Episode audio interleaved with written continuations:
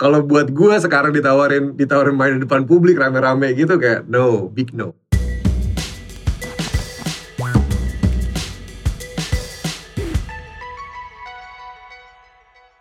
Kita kembali lagi di MLD Podcast episode terbaru kali ini masih ditemenin barengan sama Reza Al Kadri di sini bakal ngobrol-ngobrol barengan sama teman-teman yang ada dan tentunya mau lagi di mana pun kita tetap pengen ngobrol-ngobrol dan ngulik seputar kisah dan keseharian dari bintang tamu kita. Kalau kita lihat nih ya, musik ini adalah salah satu sektor kreatif yang paling keras dihajar sama pandemi. Jadi seluruh kegiatan itu berhenti secara mendadak perlu waktu yang bisa dibilang masih belum bisa ditentukan nih untuk semuanya bisa kembali dengan normal lagi. Yang penting pelan-pelan semuanya akan mulai bangun. Nah hari ini nih gue akan mau ngobrol barengan sama dua bintang tamu kita. Yang pertama ada Mas Adip Hidayat dan juga ada Mas Iga Masardi. Keduanya mau lagi di mana pun terus bergerak. Yang satu bikin karya, yang satu terus membantu para pekerja seni yang terdampak. Dua eh, perspektif yang berbeda bakal kita kulik satu persatu. Nah sekarang kita udah terhubung uh, berhubung masih uh, ngikutin protokol yang ada, jadi kita masih di tempat yang terpisah, tapi udah tersambung barengan sama gue, Mas Adi Hidayat sama Mas Iga Mas Ardi. Halo, apa kabar? Halo, baik, baik, baik. Terima kasih, sehat oh, semua. Sehat-sehat semua ya, jadi ya dua-duanya ya. ya. Sehat, alhamdulillah. Nih mungkin uh, seperti biasa nih, uh, sebelum kita memulai ngobrol-ngobrol gitu ya, uh, berdua sekarang lagi pada sibuknya ngapain aja nih akhir-akhir ini?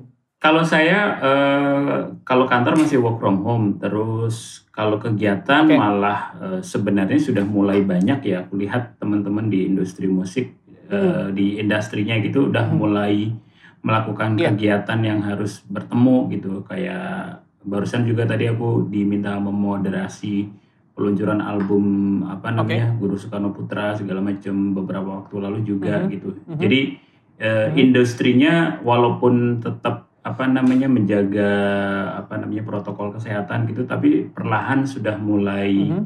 mulai uh, bergeliat gitu walaupun masih cek kanan okay, kiri ya okay. gitu kalaupun preskon juga uh, tidak terlalu banyak gitu kayak gitu sama ya tetap masih ya, benar -benar. masih Mungkin virtual gitu-gitu ya mas ya? masih ya? membuat beberapa rencana untuk uh, sama beberapa hmm. teman untuk penggalangan dana tapi yang sifatnya lebih kepada membuat acara bersama dengan teman-teman musisi gitu. Karena kalau penggalangan dana ngasih donasi sembako atau uang kan cuma mungkin sebulan eh seminggu gitu ya. Cuma kalau kita bikin acara atau kegiatan bersama harapannya bisa sustain gitu. Mereka juga bisa melakukan sesuatu gitu. Ya semoga bisa ada jalan terang karena banyak dibantu oleh uh, banyak pihak gitu. Nah kalau dari Mas Ika gimana nih? Nah, kalau dari gue sih kemarin alhamdulillah udah mulai banyak juga uh, untuk tawaran manggung secara okay. virtual ya. Oke. Okay secara virtual dan uh, memang belum belum dibuka pastinya belum dibuka untuk untuk penonton datang umum mm-hmm. tapi ya itu sudah mulai udah mulai bergerak perlahan-lahan sih dan ini satu langkah langkah-langkah pelan yang perlu diapresiasi terutama untuk kelangsungan hidup uh, tim mm-hmm. produksi kami sih oke okay, dan okay. banyak banyak kru sebetulnya itu sih oke okay, oke okay. Nah, ini mungkin kita mulai pengen ngobrol sama Mas Adib nih, karena kan uh, Mas Adib kan adalah seorang senior di industri musik. Gue nggak bilang tua ya, tapi pengalamannya udah lebih lama daripada kita kita semua gitu ya. Hmm. Ini kalau boleh tahu nih Mas dari cerita dan pengalaman, krisis yang kita hadapin sekarang nih, so far yang terburuk dan terparah atau sebelum-sebelumnya ada yang lebih parah lagi Mas? Kalau membaca uh, sejarah dan kita melihat rekam jejak apa yang terjadi pandemi di dunia gitu selama kita hidup ya. Kita hidup itu dalam arti tataran usia kelahiran 70-an, 80-an, 90-an mungkin ini paling berat ya. Karena kan sebelumnya kan tahun-tahun awal ya 40-an sempat ada flu yang luar biasa, nggak ada yang ngalamin kan gitu. Yeah, Cuma kalau yeah, yeah. kalau yeah, sekarang yeah. ini yang membuat dunia menjadi riset gitu ya, semua di shutdown gitu uh, industrinya, mhm. penerbangannya, mm -hmm. semua sektor lah itu baru kali ini sih saya pikir sih. Maksudnya dunia kompak tapi kompaknya uh, untuk sesuatu sebuah pandemi yang yang yang uh, yang tidak dipikirkan oleh John Lennon dulu ketika menulis lirik Imagine gitu. Ternyata Imagine-nya itu ternyata yeah. menjadi pandemi gitu, bukan umat manusia bersatu tapi malah seperti yang kita alami sekarang ini gitu dan dampaknya kan luar biasa kan sampai akhirnya resesi dalam hitungan bulan kan eh, negara-negara sudah mulai iya, benar, declare resesi kayak gitu. ya bisa jadi ini adalah uh, yang paling berat ya. Mudah-mudahan nggak ada yang lebih berat lagi sih. Karena ya yang terkena salah satunya yang lumayan parah dan bisa dibilang parah banget adalah sektor dari industri musik gitu. Ya, betul. Nah buat Mas Iga nih, ketika tahu gitu ya kita harus uh, diam di rumah, aktivitas semua berhenti gitu ya.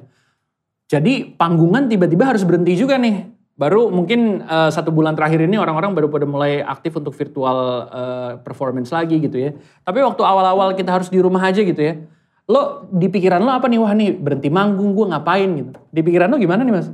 Wah itu seperti seperti kebanyakan orang juga ya pasti dilanda kebingungan. Karena nggak nggak tahu mesti ngapain dan dan sebenarnya ini ini bakal bakal berlangsung sampai kapan gitu. Dan itu simply simply dilanda kebingungan dan dan itu sih. Kayak um, kita sama-sama nggak tahu nih mesti mesti ngapain karena Benar. kebetulan di di Indonesia juga uh, salah satunya yang kurang kan adalah informasi soal ini gitu soal ketegasan ya, apakah kita harus berhenti beraktivitas apakah kita harus lanjut atau jadi kita di dilanda ambiguitas lah di dalam di dalam kondisi covid ini jadi uh, akhirnya gue pribadi sama anak-anak memutuskan untuk ya udah apa yang bisa kita lakuin untuk pertama-tama yang mesti diselamatin kan dari segi finansialnya dulu dari segi hmm. bisnis ya terutama untuk orang-orang yang bekerja untuk bara suara pada saat itu gitu pada saat, pada saat ini maksudnya okay, jadi ya okay. kita treat kita treat uh, apa namanya tim produksi ya dulu aja yang yang yang perlu kita support abis itu baru perlahan-lahan kita cari produk kita cari project yang kira-kira bisa menguntungkan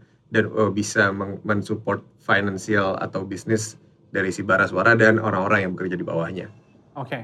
Sekarang kan udah mulai nih, udah mulai mencoba aktif lagi. Tadi Mas Adib juga cerita udah banyak aktivitas yang mulai kembali dilaksanakan gitu ya. Titik baliknya dari kalian berdua gimana nih? Yang ngebuat kalian akhirnya oke okay, kita harus terus gerak nih.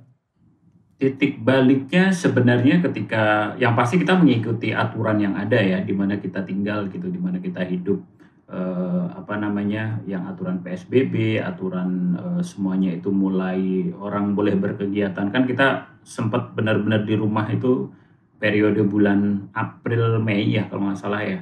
Pas hmm, lebaran lah bener, puasa bener. lebaran itu bener-bener iya, full kita ngelewatin kayak, puasa di rumah iya, gitu ya full ya kayak nggak berani ke mana-mana gitu. Tapi eh, ketika di bulan eh, Juli sudah mulai longgar longgar itu dalam arti mungkin sebuah pilihan ya yang semua negara pasti mengalami kesusahan untuk menentukan ini seperti apa gitu di lain pihak eh, yang menderita semakin tinggi Uh, tapi ekonomi juga harus tetap berjalan gitu. Jadi makanya ketika uh, industrinya mulai bergeliat dan aturan-aturan mulai dilonggarkan, sebenarnya itu mulai berani juga sih, walaupun masih was-was gitu. Sampai sekarang pun masih was-was sebenarnya gitu. Tapi mencoba iya, benar-benar mematuhi uh, protokol yang ada. Kalau habis pulang itu semua harus taruh dibersihin dulu, mandi segala macam itu udah kayak kewajiban gitu. Uh, bersentuhan dengan orang nggak berani gitu-gitu gitu. Jadi benar, uh, benar, benar.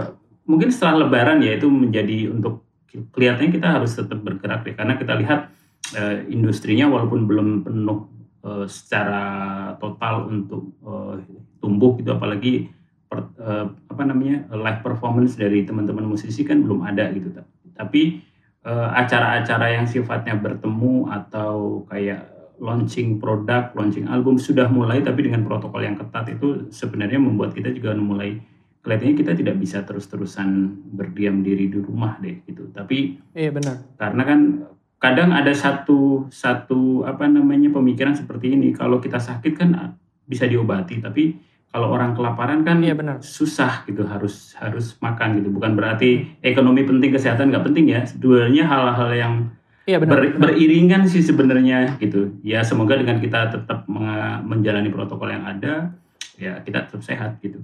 Iya benar benar benar benar. benar. Kalau dari Mas Ika gimana nih?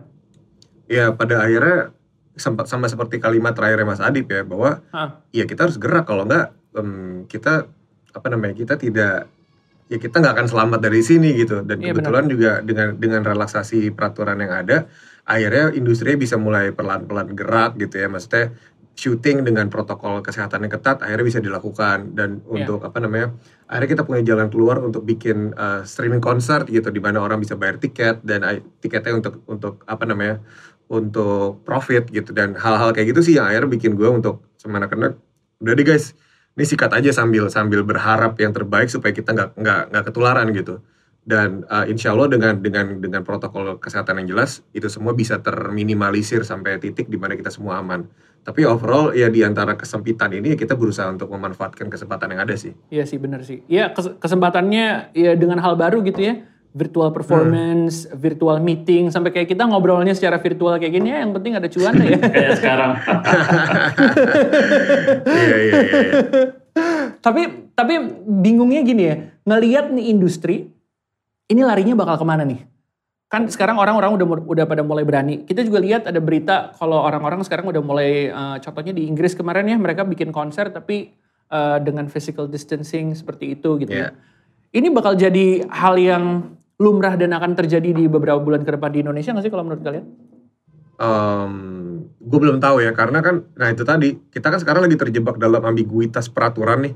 Iya, Jadi bener. kita nggak pernah kita nggak pernah tahu kapan itu akan. Maksudnya gini, hal yang pertama yang harus kita pahamin dari kondisi ini adalah udah aman atau belum. Maksudnya udah boleh yeah. atau belum. Kan melihat yeah, melihat datanya juga kita nggak kita nggak pernah ada sesuatu yang sifatnya pengumuman secara nasional bahwa kita ada di kita ada di um, uh, kondisi di yang sangat mana, gawat sehingga okay. iya di titik mana. Nah itu kan yang jadi masalah di sini gitu. Ketika ketika itu semua udah bisa jelas, udah bisa tegas, nah gue baru bisa menjawab pertanyaan itu bahwa apakah kita bisa melakukan hal-hal seperti yang dilakukan teman-teman bukan teman-teman sih orang-orang di luar sana gitu. Yeah, Jadi yeah. kalau sampai saat ini gue juga belum belum bisa menjawab apakah itu mungkin. Cuman uh, dari beberapa beberapa selentingan dan kabar burung yang gue dapat sudah ada beberapa apa namanya konsep acara yang uh, konser besar gitu ya yang menggunakan gue nggak bisa bocorin sih karena ini bukan belum kayak belum dipublikasiin gitu. Ya. Iya, iya, Cuman okay, adalah beberapa beberapa konser-konser dengan konsep-konsep yang uh, sepertinya cukup aman untuk publik gitu. Cuman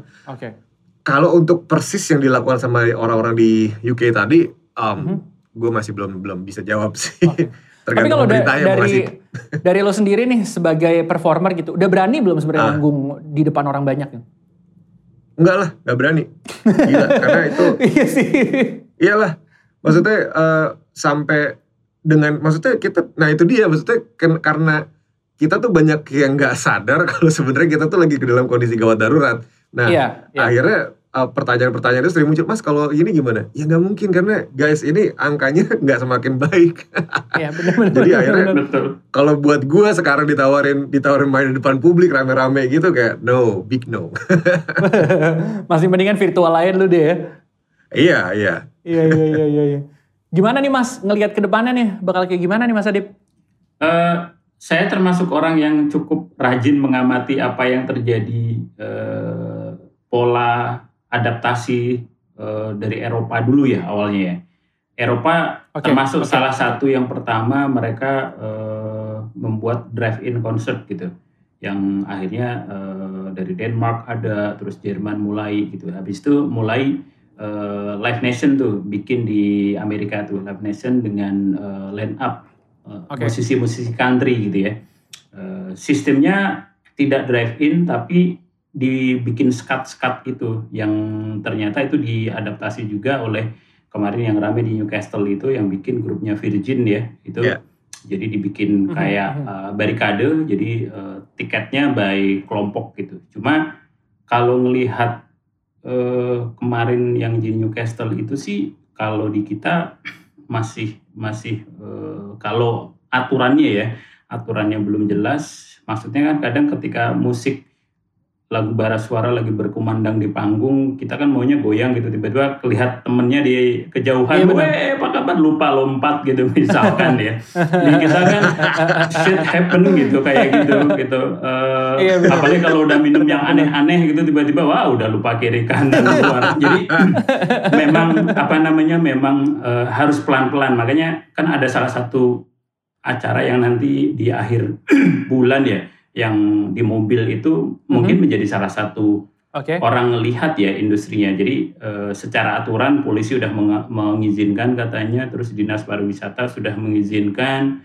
gugus tugas sudah mengizinkan. Sebenarnya pingin dilihat di dalam mobil lu bisa bisa apa ya sopan nggak bisa mematuhi e, peraturan nggak gitu kalau di mobil aja bandel dan -hmm. terus tiba-tiba uh, amit-amit muncul klaster baru ya mak mungkin menjadi panjang lagi. Karena kan iya. klaster baru ini kan nggak nggak nggak nggak bisa ditebak nih. Kan lagi yang ramai sekarang di perkantoran gitu.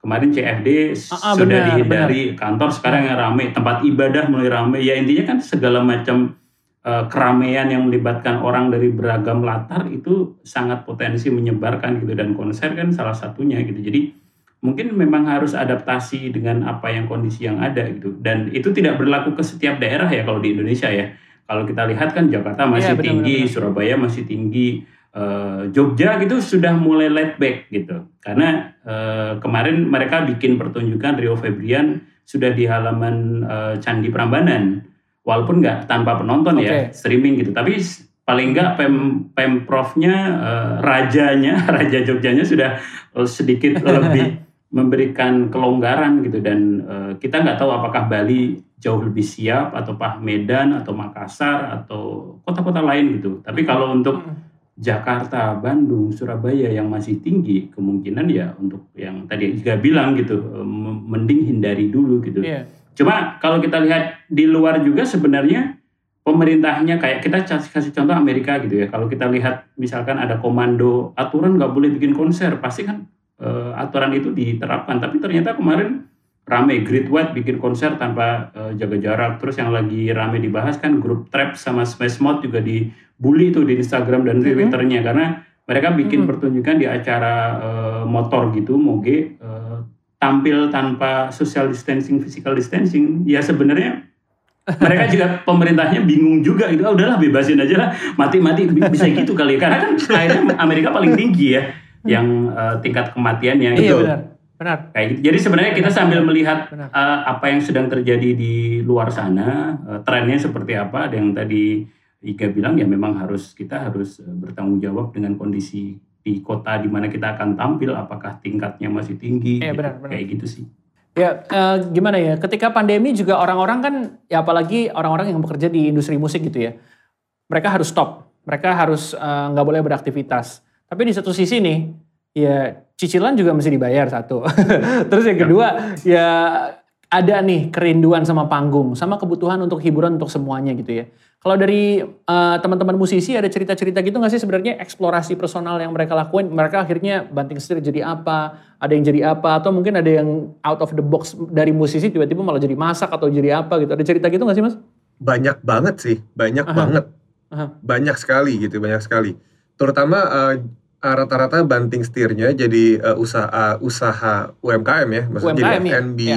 Aha, aha. Ya jadi F&B ya, mostly jadi Aha. F&B. Maksudnya mereka Oke. jual makanan gitu-gitu. Mhm. Dan kalau awal-awal pandemi kemarin mereka pada jual masker gitu atau Hmm, uh, APD sampai sekarang juga masih ada sih yang jual masker dan APD. Mhm, mhm. Uh, overall banyak sekali uh, bentuk-bentuk adaptasi ini ya, adaptasi bisnis gitu, adaptasi profesi dari teman-teman musisi untuk tetap survive di mana di kala pandemi ini karena kan Oke. ya seperti kita tahu semua itu udah stop gitu terutama teman-teman musisi yang bekerja di sebagai musisi reguler di kafe ya Iya karena kafe-kafenya tutup dan eh, apa namanya dan mostly mereka ini kan bukan banyak sekali teman-teman musisi yang memang tidak mempunyai followers sampai puluhan ribu atau sampai Iya. ribuan Benar. kan otomatis mereka juga tidak punya tidak punya leverage untuk let's say mem- membuat lesson atau Aha. membuat video tutorial karena kan orang juga mungkin belum banyak yang belum tahu mereka gitu karena jumlah followersnya sedikit atau apa akhirnya kan itu menjadi menjadi sebuah gap juga gitu untuk Iya. untuk musisi nggak bisa dipukul rata bahwa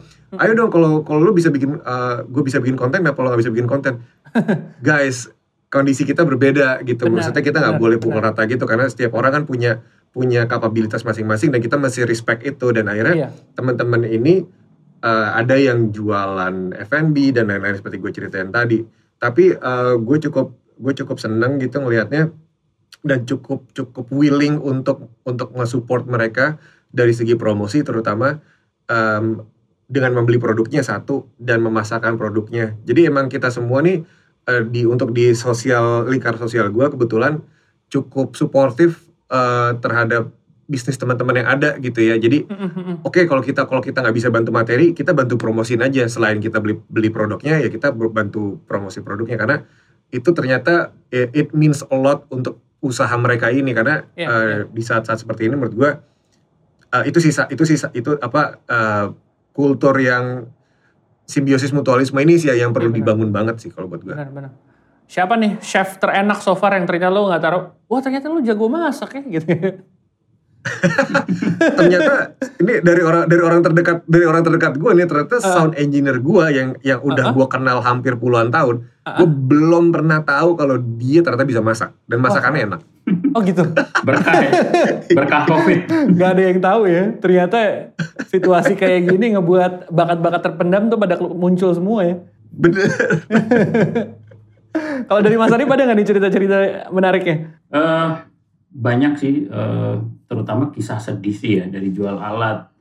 Pada akhirnya eh, yang tadi Iga udah cerita, udah cerita gitu ya, eh, mungkin ber- berhutang ke sana kini gitu. Dan kalau boleh boleh bercerita, sebenarnya nama-nama yang eh, besar, nama-nama yang populer, yang kita pikir baik-baik saja, kita pikir tidak terkena, sebenarnya ter- terdampak gitu. Jadi kadang kita suka tidak tahu eh, dan memang seharusnya seperti itu ya tidak tahu eh, privasi orang gitu. Tapi ketika kita tahu bahwa si A Iya.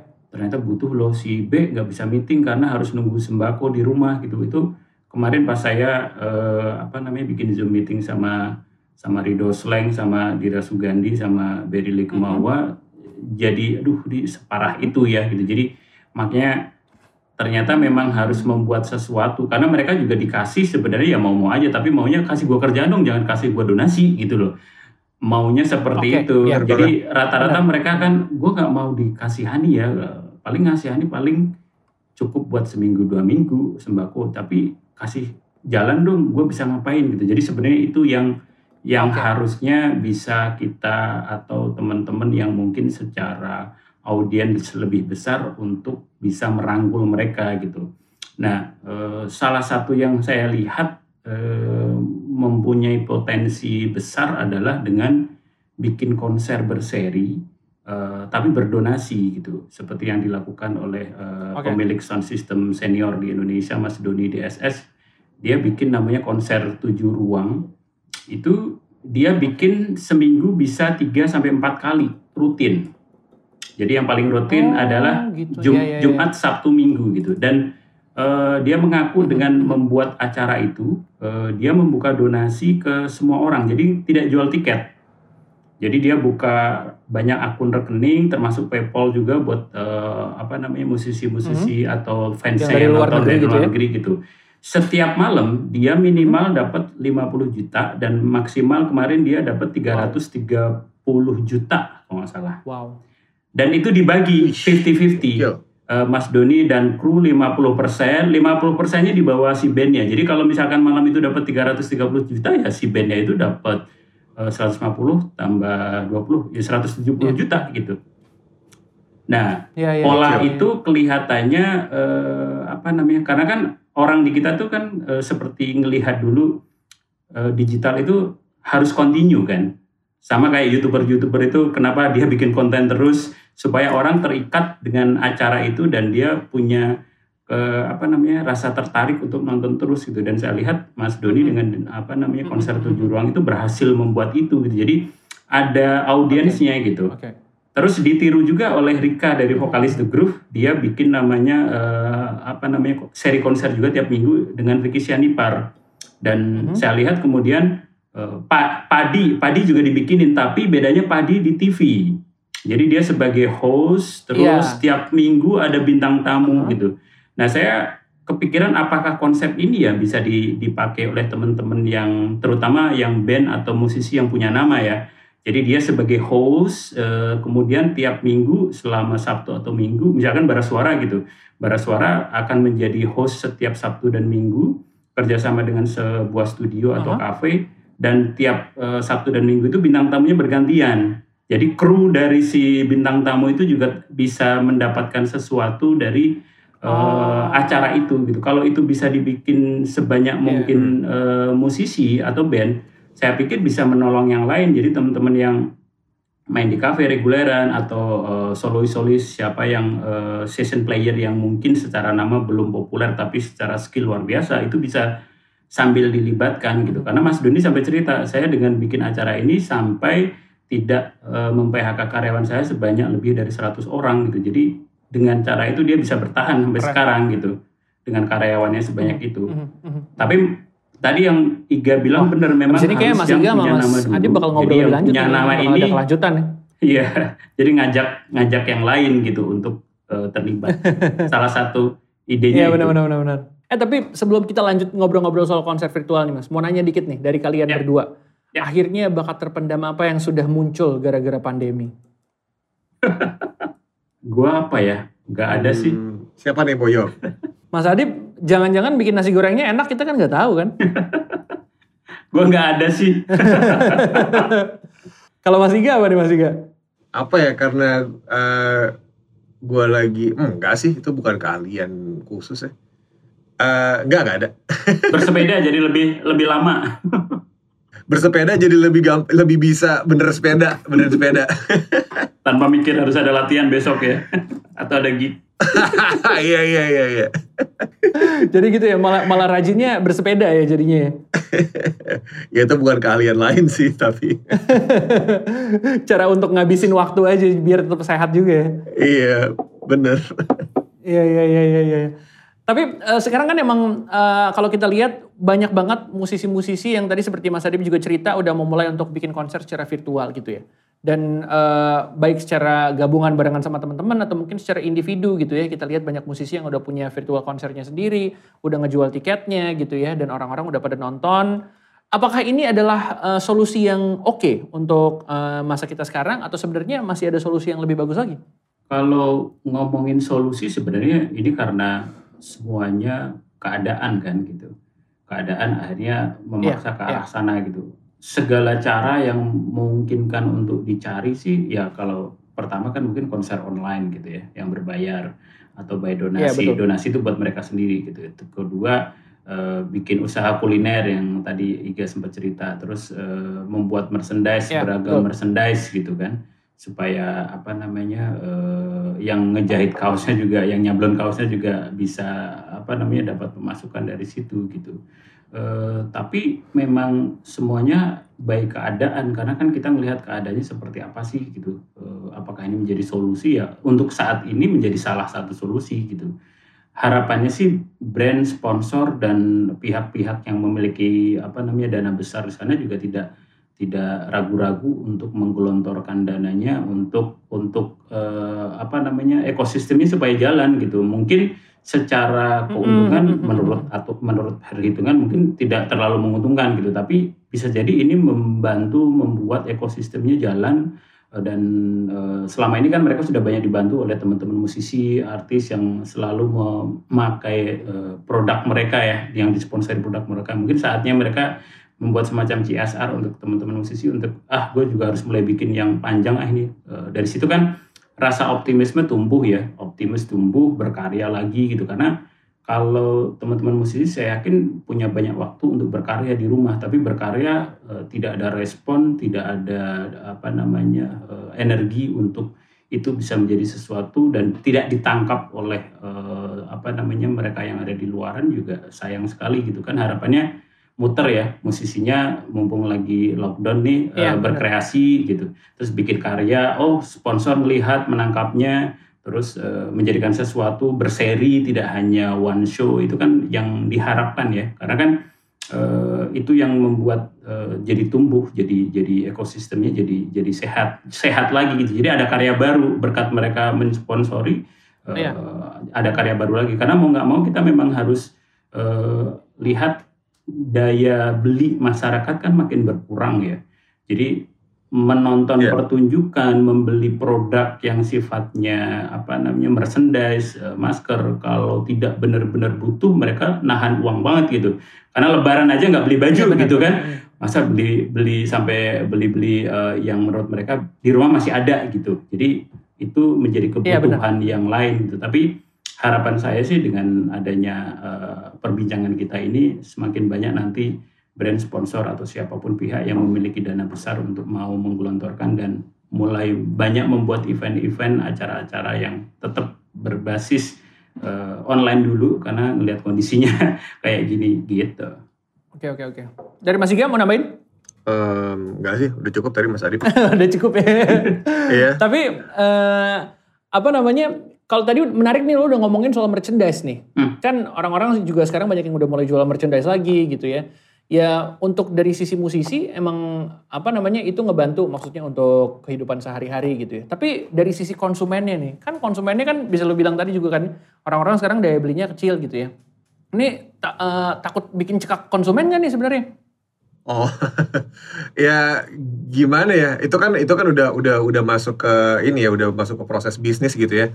Jadi gue sih nggak gue sih nggak nggak akan takut untuk bilang itu bikin cekak konsumen gitu Okay. Cuman uh, otomatis konsumen akan kayak Mas Arif bilang, dia akan beli ketika dia punya kemampuan untuk beli gitu. Jadi um, emang ini challenging banget lah untuk untuk challenging dan dilematis gitu. Kita menjual barang di saat orang daya belinya menurun gitu.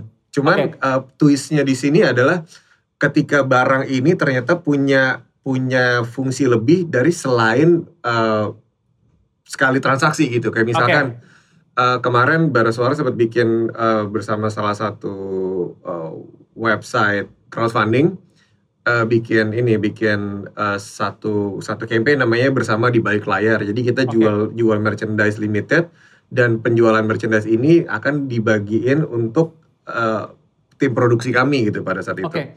Okay. Jadi ini kan ini kan akan menambah alasan orang untuk membeli daripada sekedar oke okay, gue beli kaos karena ini keren aja gitu. Yeah, Tapi bener, ada bener, ada bener ada alasan lebih oh gue ketika gue beli kaos keren ini gue punya gue punya andil untuk membantu orang lain. Nah di situ di situ mungkin nilai-nilai apa nilai-nilai yang yang kita butuhkan dalam menjual sebuah barang gitu. Jangan jangan menjual estetiknya aja tapi jual juga uh, sisi yang uh, sisi sosialnya juga gitu Iya iya. iya gue sih iya, di situ bisa bisa iya, bisa di twistnya di situ. Walaupun iya, ini bukan ini bukan ini bukan gimmick marketing ya, tapi emang murni hmm. social movement gitu. Iya benar-benar ya sekalian sedekah bang ya nggak sih? iya betul betul banget betul banget betul banget. Iya iya iya iya iya. Ya. Terus sekarang uh, semua udah kembali berjalan dengan uh, dalam tanda kutip fase new normal ini gitu ya. Uh, mau lagi di mana pun sekarang orang-orang udah mulai cari hiburan, mulai cari panggungan lagi gitu ya. Kalau dari uh, Mas Adib sama Mas Iga nih, ada inisiatif spesial nggak sih kayak dari dari pengamatan kalian nih? kayaknya sebenarnya bisa nih kita ngelakuin A atau mungkin harusnya kita ngelakuin B nih. Kalau dari Mas Adib dulu nih gimana nih? Uh, yang tadi sempat saya bilang bisa jadi membuat seri konser dari si musisi itu yeah, dia menjadi okay. host di rumah atau di studionya secara uh, apa namanya continue gitu uh, itu bisa menjadi apa namanya salah satu solusi gitu untuk uh, paling enggak uh -huh tanpa menunggu orang ngajak, tanpa menunggu sponsor menyponsori gitu, tapi kerjasama dengan pemilik studio atau pemilik iya uh, tempat yang punya waktu apa punya tempat luang untuk membuat itu dan uh, dibikin setiap minggu secara berseri gitu. Jadi ada keterikatan orang untuk yeah. menonton acara itu dan harapannya kan audiens semakin tumbuh dan uh, sponsor melihat terus uh, menyponsori segala macam itu kalau itu bisa dilakukan oleh teman-teman di Jogja, di Bali, di Bandung, uh, di Surabaya gitu, di kota-kota lain, uh, saya pikir bisa bisa menjadi uh, hal yang patut dicoba gitu karena sudah ada yang melakukan dan berhasil gitu.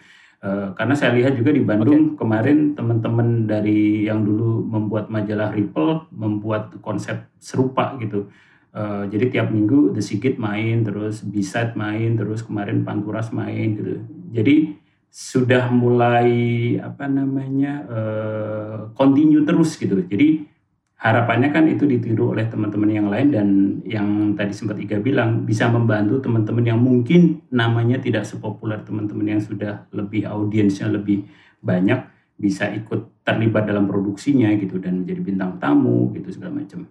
Kalau dari Mas Iga gimana nih Mas Iga? Um, itu gue setuju sih sama sama apa yang diceritakan oleh Mas Adib tadi tentang apa yang dilakukan Om yeah.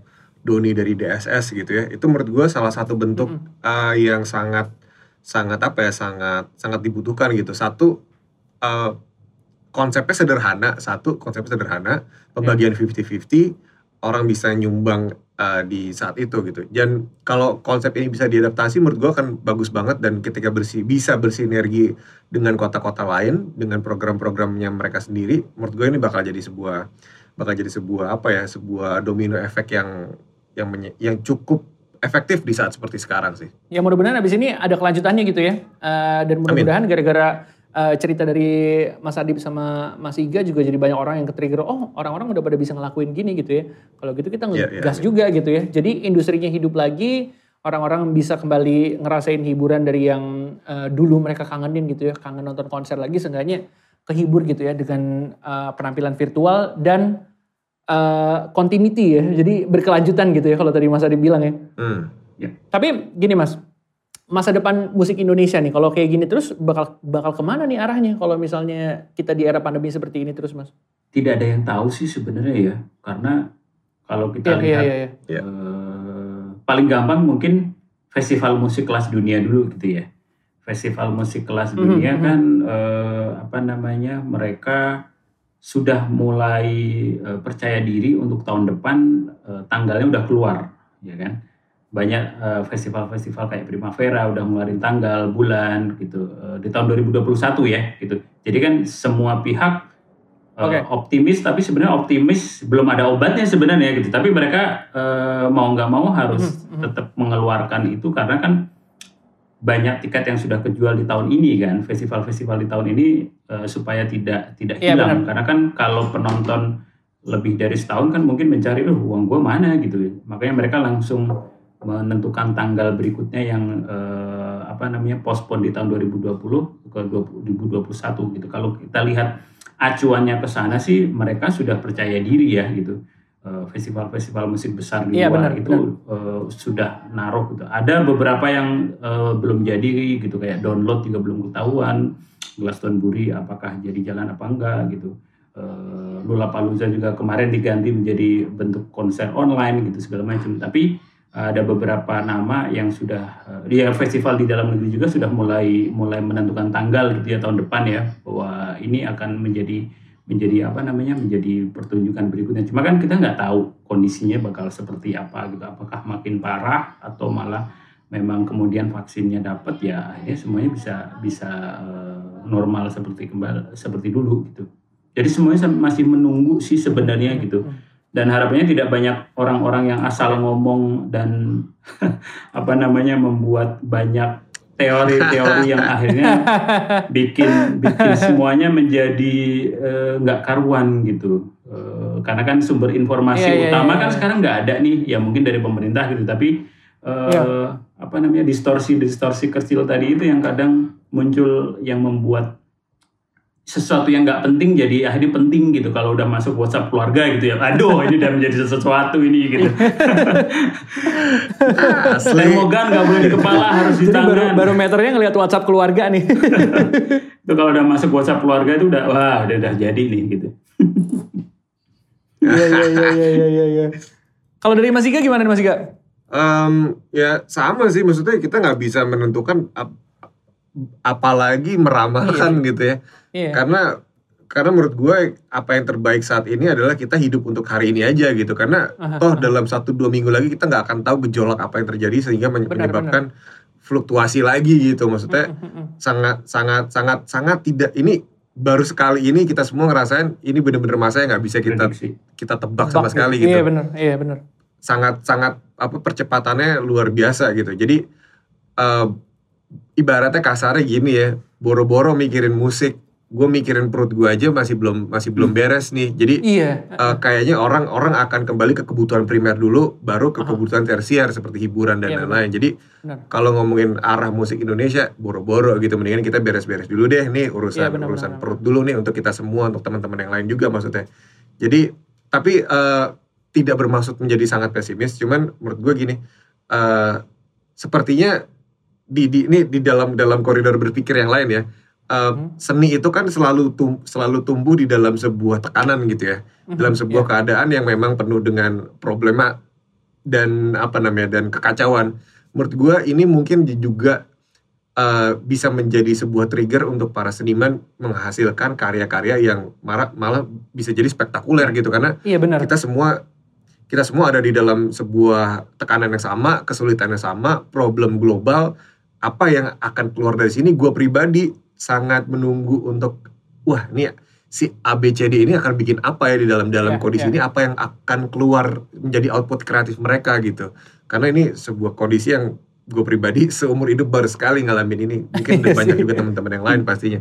Dan ini sangat sangat sangat menjadi sebuah apa ya sebuah trigger trigger untuk para seniman untuk bisa ngasilin karya di bawah tekanan ini apa nih bakal keluar gitu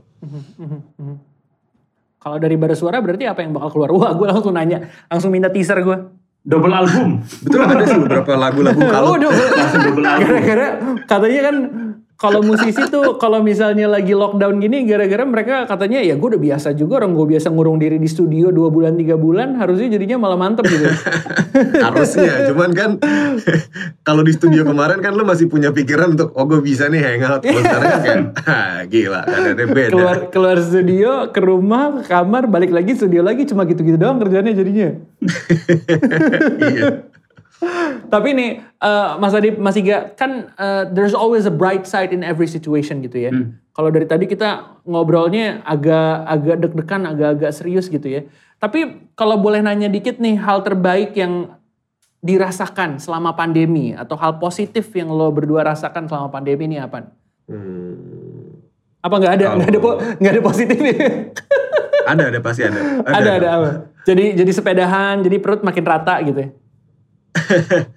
kalau kalau dari gue kalau dari gue pribadi um, ini jadi jadi dan tentunya juga buat teman-teman yang lain ya ini jadi jadi apa sih namanya jadi momen untuk apa istilahnya ya kayak kontemplasi gitu ya kontemplasi bahwa sebenarnya kita tuh uh, bisa bisa berpikir macam-macam di saat-saat seperti ini kita Iya. dituntut untuk jadi lebih kreatif dan untuk bisa lebih introspeksi diri lah kayak kemarin tuh uh, mungkin ada waktu yang kurang untuk untuk keluarga ada waktu yang kurang Iya. untuk diri sendiri terutama di saat-saat Benar, inilah kita benar. bisa lebih me- Benar. mengisi atau mengisi apa yang kemarin dalam tanda kutip ya mengisi hutang-hutang melunasi hutang-hutang yang kemarin lah bahkan sekedar untuk untuk menghibur diri seperti hal-hal mungkin eh, menonton film gitu menonton film di Uh-huh. rumah itu kan kalau kemarin-kemarin kita nggak sempat mungkin akhirnya sekarang juga bisa jadi lebih ya adalah satu dua Iya, film yang bisa kita benar, tonton sambil terus Benar, benar. men- memutar otak gitu ya. Kalau gue sih lebih lebih lebih ke situ sih waktu yang kemarin hilang akhirnya bisa gue tebus pelan-pelan untuk keluarga dan diri sendiri. Biasanya gitu tuh gara-gara di rumah nonton akhirnya jadi kepikiran konspirasi tuh biasanya.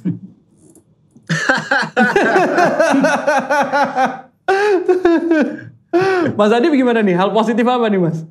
Eh, saya percaya kalau eh, kita makhluk sosial yang sangat siap untuk melakukan apa pun ketika yang lain susah gitu. Tapi asal dilaksanakan secara bersama, secara kolektif, akhirnya akan menjadi sesuatu yang bermanfaat gitu. Saya ngalami sendiri bikin beberapa campaign eh, untuk selama pandemi ini gitu. Paling gede mungkin ketika awal-awal ketika saya bikin untuk penggalangan dana APD ya itu bisa dapat sampai 2 miliar gitu dalam dalam hitungan eh, dua bulan dua bulan gitu. Habis itu terus eh, apa namanya eh, mencoba membuat konser untuk eh, yang hasilnya donasinya dibagikan kepada asosiasi asosiasi asosiasi yang terdampak gitu. Walaupun mungkin hasilnya Hmm, tidak hmm, seberapa gitu tapi ternyata kalau kita melakukan bersama-sama eh, hasilnya ada gitu. Waktu itu yang terakhir kita bikin akhirnya dapat sampai 4 miliar gitu yang dibagikan ke banyak asosiasi yang terdampak di sektor ekonomi kreatif ya gitu. Ya harapannya sih di kala seperti ini memang kita harus melihat kiri kanan eh, teman-teman kita yang Ya. mungkin menurut kita tidak terdampak tapi sebenarnya terdampak gitu. Jadi sekedar menyapa, sekedar kirim WhatsApp, sekedar eh, kirim DM, eh, bertanya kondisi, siapa tahu mereka akan butuh pertolongan kita gitu karena kita nggak tahu eh, kondisi seperti ini kan orang eh, harga dirinya juga tinggi ya eh, untuk minta tolong itu rasa segannya luar biasa tapi ketika ditanya butuh bantuan nggak bisa jadi dia akan bilang iya gitu. Butuh ya. Jadi mungkin saatnya sekarang kita menyapa kiri kanan temen yang kita anggap baik-baik saja, ternyata nggak baik-baik saja. Jadi eh, bersilaturahmi lagi secara apa ya lebih luas sekarang gitu. Mungkin teman-teman yang Mhm, eh, mhm. saudara juga gitu, jangan sampai apa namanya terlupakan gitu. Karena dari situ siapa tahu bisa muncul kolektif ide bersama untuk bikin eh, acara bareng atau kegiatan bareng, konsep bareng dan bisa menghasilkan sesuatu gitu. Karena kan kita tidak tahu kemampuan orang gitu, tapi kita uh, paham ketika itu dipersatukan gitu. Oh ini jago ngedit, oh ini jago ini, ini jago ini, ini jadi acara gitu, jadi jadi produk, jadi apa pun gitu. Jadi ya saatnya Ya, ya, apa ya, ya. menyapa menyapa uh, teman-teman kita, tetangga siapa pun gitu. Siapa tahu dia butuh kita. Jadi kan Oke. kita makhluk sosial sih gitu. Iya benar. Silaturahmi, ngobrol-ngobrol. Saya juga bisa nge-MC mas kalau kalau butuh-butuh gitu. eh, eh, tentunya terima kasih banyak kita udah ngobrol-ngobrol di sini seru banget dan tentunya eh, jadi nambah semangat buat teman-teman yang dengar khususnya di industri musik. Amin. Eh, musisi ataupun orang-orang yang tentu juga eh, bergantung kepada industri musik gitu ya. Ya. Kalau dari Mas Adib sama Mas Iga boleh dong sedikit meng- encourage teman-teman ngasih semangat lagi dan kira-kira kayak ngasih tips gitu ya. Gimana caranya untuk tetap berkarya bagi banyak orang di kala pandemi seperti ini. eh ya kita berada dalam kisah yang sama ya global gitu Eh, Ya. optimis iya eh, apa namanya eh, semangat iya mencari peluang iya eh, menyapa banyak eh, pihak juga saatnya mungkin sekarang gitu kalau dulu antisosial atau terlalu pede dengan dirinya sendiri gitu. Tapi sekarang saatnya butuh berjejaring berteman dan bisa menghasilkan sesuatu bersama-sama gitu. Intinya saling membantu apa yang bisa dibantu gitu. Ketika bantuan kita tidak berupa eh, materi tapi bisa jadi ide pemikiran konsep apa pun gitu. Itu menurut saya eh, apa namanya sangat membantu sekarang gitu. Sekedar menyapa saja tadi saya ulang sangat sangat apa namanya membuat mereka diperhatikan gitu. Karena banyak yang berhenti dari pekerjaan eh, gaji dipotong segala macam dan itu kan sesuatu yang eh, berat ya gitu tapi Berat sih ya. nggak ada yang teman diajak ngobrol apalagi gitu. Jadi ya kita semua berada dalam cerita yang sama kok persoalannya sama gitu semakin besar orangnya bisa jadi persoalannya semakin besar gitu Eh, Iya, jadi benar-benar. kalau dia mungkin dia dan keluarganya tapi yang orang-orang besar mungkin dengan karyawannya yang jumlahnya ribuan segala macam gitu jadi ya itu tadi kita berada dalam kisah yang sama dan semoga semuanya bisa ada solusi dan kita bisa saling membantu gitu Amin. Mas Iga gimana Mas Iga? Ya kalau gue lebih em, apa namanya menyambung apa yang dibilang Mas Adib ya. Ya. Kita kita lagi diuji banget untuk Bener. eh, kemampuan adaptasi kita lagi diuji banget sekarang Hmm. gitu. Bagaimana kita beradaptasi sama sama kondisi ini dan eh, seberapa seberapa gesit kita untuk bisa mengakali eh, mengakali hari per hari untuk bisa survive gitu. Karena itu itu yang paling berat kan. Jadi eh, menurut gue apa yang apa yang harus dibikin apa yang harus kita pikirin sama-sama sekarang selain tadi apa yang dijelasin sama Mas Adib untuk terus membantu dan terus perhatian sama sahabat-sahabat kita dan saudara adalah ya kita sendiri harus harus bisa uh, berani untuk putar haluan gitu kayak misalkan benar. dari main musik misalkan tiba-tiba jual makanan atau dari Mhm. fotografer tiba-tiba menjual uh, masker dan APD Mhm. dan hal-hal kayak gitu sih yang akhirnya uh, memang kita butuh untuk gesit dalam beradaptasi gitu. Oke nih bulan ini nggak ada panggung sama sekali atau nggak ada job session player sama sekali berarti oke apa yang harus kita usahain? Dari segi menjual makanan kah atau bentuk usaha lain gitu. Jadi menurut gue eh, apa namanya ke kegesitan kita ke seberapa cekatan kita dalam mengakali ini untuk Ada mencari adaptasi profesi atau beralih profesi itu sih menurut gue yang yang yang yang perlu diasah setiap harinya. Dan pun kalau mengalami kesulitan tentunya kita punya teman-teman yang bisa yang bisa kita tanya atau minta support gitu kayak Mas Adib bilang tadi jangan malu untuk Oke. saling bertanya dan saling menanya kabar karena dari situ biasanya eh, silaturahmi itu menghasilkan sesuatu yang eh, efek dominonya tuh bagus gitu kalau gue dari Iya, gue sih iya, gitu iya. Oke, oke, oke. Mudah-mudahan eh, jadi tambah motivasi buat teman-teman yang lagi dengerin kita di mana pun lo berada. amin Eh, yang pasti tetap terus berkarya dan silaturahmi itu penting banget gitu ya. Ya. Jangan silaturahmi sama mantan, hanya hubungan kembali gimana, bukan itu maksudnya. maksudnya untuk nyari opsi-opsi untuk berkarya berikutnya gitu ya. Ya. Terima kasih banyak eh, Mas Adi Hidayat dan juga Mas Iga Mas Ardi udah Sama-sama. Sama-sama, thank kita. you, thank you. Itu dia MLD Podcast episode terbaru kita. Mau lagi di mana pun bersama Reza Al-Kadri, itu dia Adi Hidayat dan juga Iga Mas Ardi. Sampai ketemu di episode berikutnya. Bye.